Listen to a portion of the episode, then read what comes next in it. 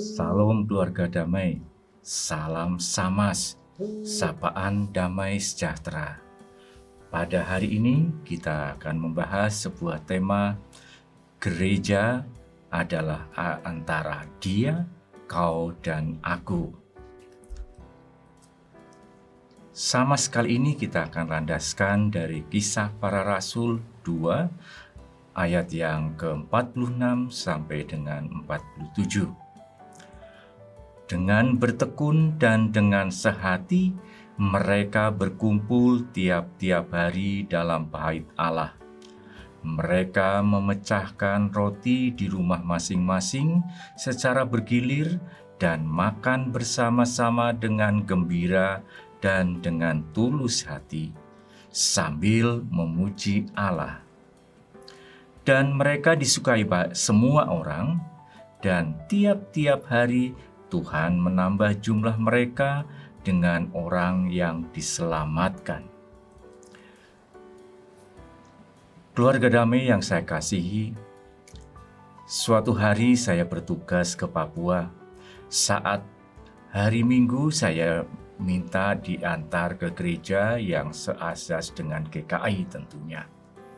Kebetulan yang mengantar saya bukan orang Kristen, tetapi dia diberitahu oleh teman saya yang lain kalau gereja yang seasas dengan gereja saya berjemaat adalah gereja Injili. Saat sampai di gereja, banyak orang keluar dari gedung habis kebaktian. Saat itu saya agak bingung dan untuk memastikan bahwa saya pergi ke gereja yang benar, saya cari papan nama gereja. Saya tidak menemukan papan nama yang saya cari. Kemudian saya tanya kembali ke teman yang mengantar, "Apakah benar ini gerejanya, Pak?" Teman saya meyakinkan saya bahwa ini adalah gerejanya.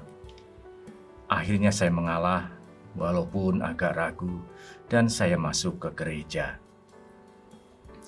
Setelah menunggu beberapa saat, kebaktian dimulai dan saya baru sadar bahwa gedung gereja ini ternyata dipakai oleh beberapa jemaat dari denominasi yang berbeda. Ternyata gedung gereja ini dibangun oleh sebuah perusahaan untuk tempat kebaktian beberapa jemaat. Saya jadi agak malu pada diri sendiri. Mengapa saya tadi sibuk mencari papan nama gereja? Dan kenapa juga saya cari gedung gereja dan bukan mencari yang mendirikan gereja, yaitu Tuhan sendiri. Saya tahu bahwa gereja bukan gedung dan bukan papan nama. Gereja adalah sebuah persekutuan dari orang-orang yang percaya kepada Tuhan. Gereja adalah saya dan jemaat lain. Tetapi kenapa saat mau ikut kebaktian saya sibuk mencari papan nama dan gedung gereja? Saya sadar bahwa reaksi spontan saya tadi adalah tidak masuk akal buat saya. Saya terjebak untuk mencari gereja yang sesuai dengan keinginan saya, atau kebiasaan saya, atau mungkin bahkan selera saya.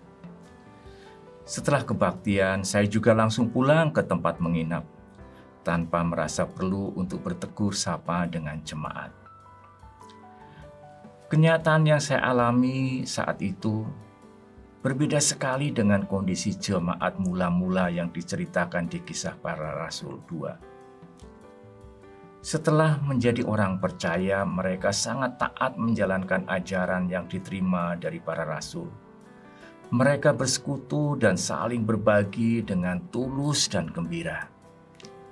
Gereja adalah mereka, bukan gedung, melainkan jemaat yang saling memberikan perhatian secara tulus.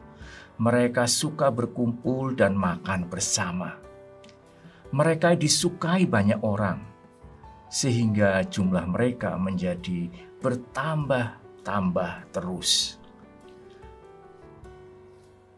Keluarga damai yang terkasih, di era sekarang, dengan segala kesibukan masing-masing, Bisa saja orang percaya dalam satu gereja, tetapi mereka tidak saling kenal, tidak pernah bercakap-cakap.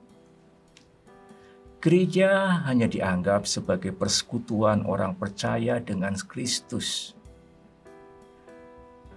Saya pernah mengalami hal seperti itu juga saat saya tinggal di Australia. Saat saya pergi ke gereja, saya hanya beribadah dan bersekutu dengan Tuhan.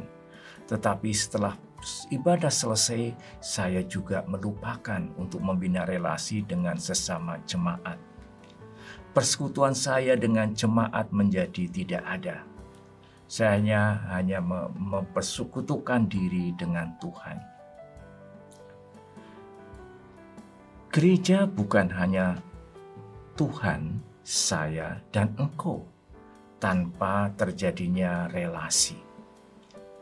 Gereja adalah sebuah relasi antara engkau dan aku di dalam Kristus. Mungkin relasi dengan sesama jemaat adalah relasi yang sederhana, seperti makan, pergi bersama, saling say hello, walaupun dengan WA atau dengan media yang lain.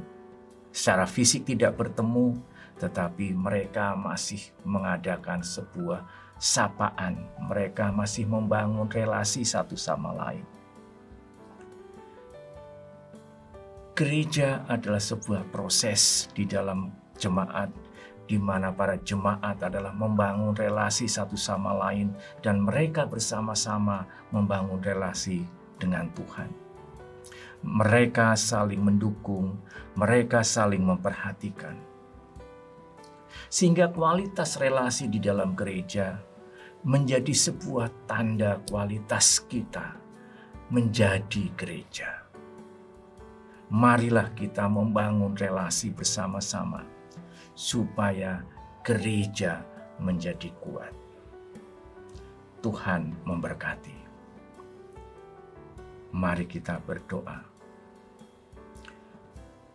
Tuhan, kami bersyukur karena Engkau memperhatikan kami. Engkau menegur kami untuk bisa saling membangun relasi.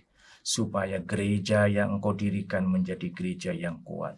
Bukan hanya bangunannya, tetapi relasi di antara jemaat menjadi semakin kuat dan teguh. Sehingga jemaat akan menjadi kuat di dalam membangun relasi dengan Engkau. Tuhan, bantulah kami yang lemah ini untuk terus membangun relasi dengan Engkau dan juga membangun relasi dengan sesama jemaat. Terima kasih Tuhan. Amin.